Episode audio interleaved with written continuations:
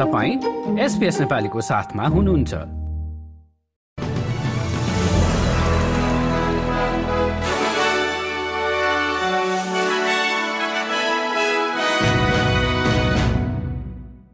नमस्कार। आज सोमबार तीस अक्टोबर दुई हजार तेइस। अब पालो भएको छ एसपीएस नेपालीमा आजका प्रमुख अस्ट्रेलियन समाचारहरू सुन्ने। प्रसङ्ग सुरु गरौं। नेशनल सेनेटर ब्रिजेट मेकेन्जीबाट। नेशनल सेनेटर ब्रिजेट मेकेन्जीको अनुसार सरकारले कस्ट अफ लिभिङसँग सङ्घर्ष गरिरहेको हजारौं मानिसहरूलाई राहत दिनु आवश्यक रहेको छ। मानिसहरूले दैनिक खर्चहरूमा कटौती गर्न बाध्य भएपछि क्रिसमसको केही हप्ता अघि विक्रेताहरूले आफ्नो आर्थिक भविष्यको बारेमा चिन्ता व्यक्त गरेका छन्।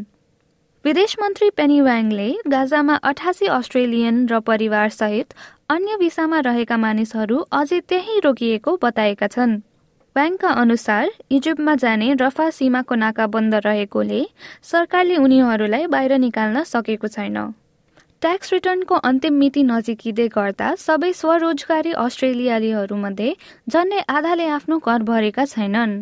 एक सर्वेक्षण अनुसार ट्याक्स रिटर्नको समय सकिँदै गर्दा सत्तालिस प्रतिशत सोल ट्रेडर्सले रिटर्न लज गरेका छैनन् भने सत्र प्रतिशतले तयारी पनि सुरु गरेका छैनन्।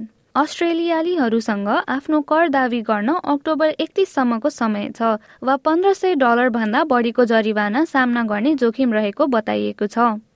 युएनका महासचिव एन्टोनियो गुटेरेसले चार दिने काठमाडौँ भ्रमणको पहिलो दिन नेपालमा हिम नदीहरू रेकर्ड दरमा पग्लिरहेको र अवस्था भयावह रहेको बताएका छन्।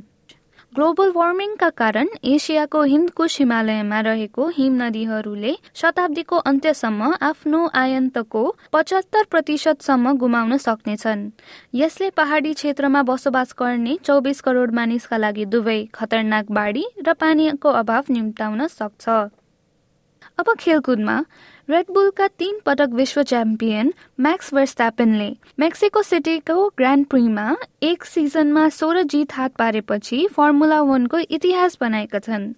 छब्बिस वर्षीय डचले एट्रोडोमो हर्मानोस रोड्रिगेजमा भएको मेक्सिकन रेसको पाँचौं जितसँगै फ्रान्सेली एलेन प्रस्टको करियरको एकाउन्न जितको बराबरी पनि गरेका छन्। हस्त एसपीएस नेपालीमा आजको प्रमुख समाचार यति नै। सुरक्षित रहनुहोस् नमस्ते।